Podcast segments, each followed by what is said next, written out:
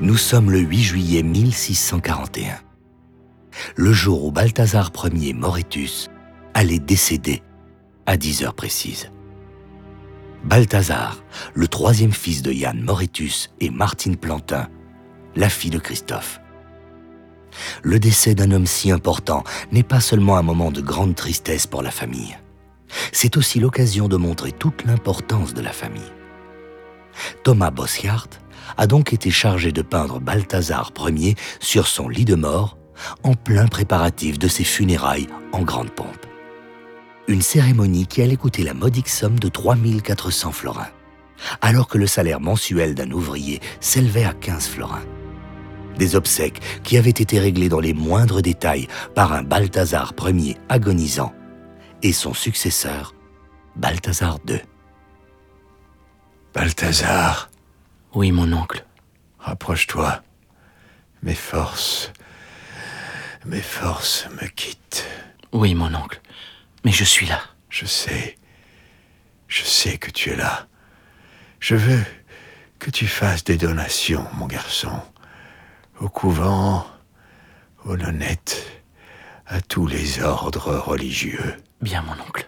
Et aux pauvres aussi. Et aux pauvres d'esprit aussi Oui, à eux aussi. Et. et. et, eux- et aussi.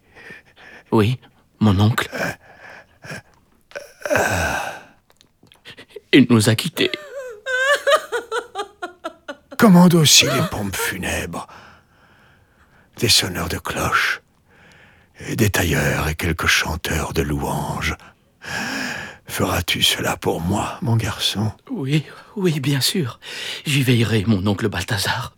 Alors, il est temps pour moi de partir.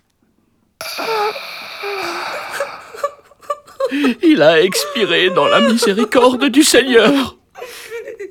Pour la boulanger Pour le boulanger, commande de bonnes choses pour que les gens ne rentrent pas chez eux le ventre vide. Tu t'en occuperas. Oui, évidemment, mon oncle.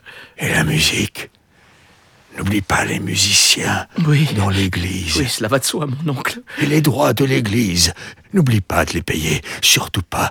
Oui, et, oui. et le curé, Peut-être le curé. le chapelain, Ah, le chapelain. les enfants de chœur Oui, et, et les magistrats. oui, oui. Monsieur le doyen de la guilde de Saint-Luc. Oui, magistrat. Et- à la fabrique d'église de Oui, Notre-Dame. euh, Les- Les offrandes Calmez-vous. je- à la sonneur de Oui. cloche.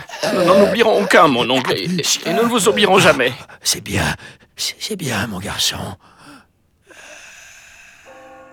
C'est le clocher que j'entends là.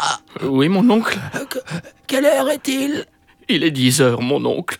Alors, il est temps pour moi de partir.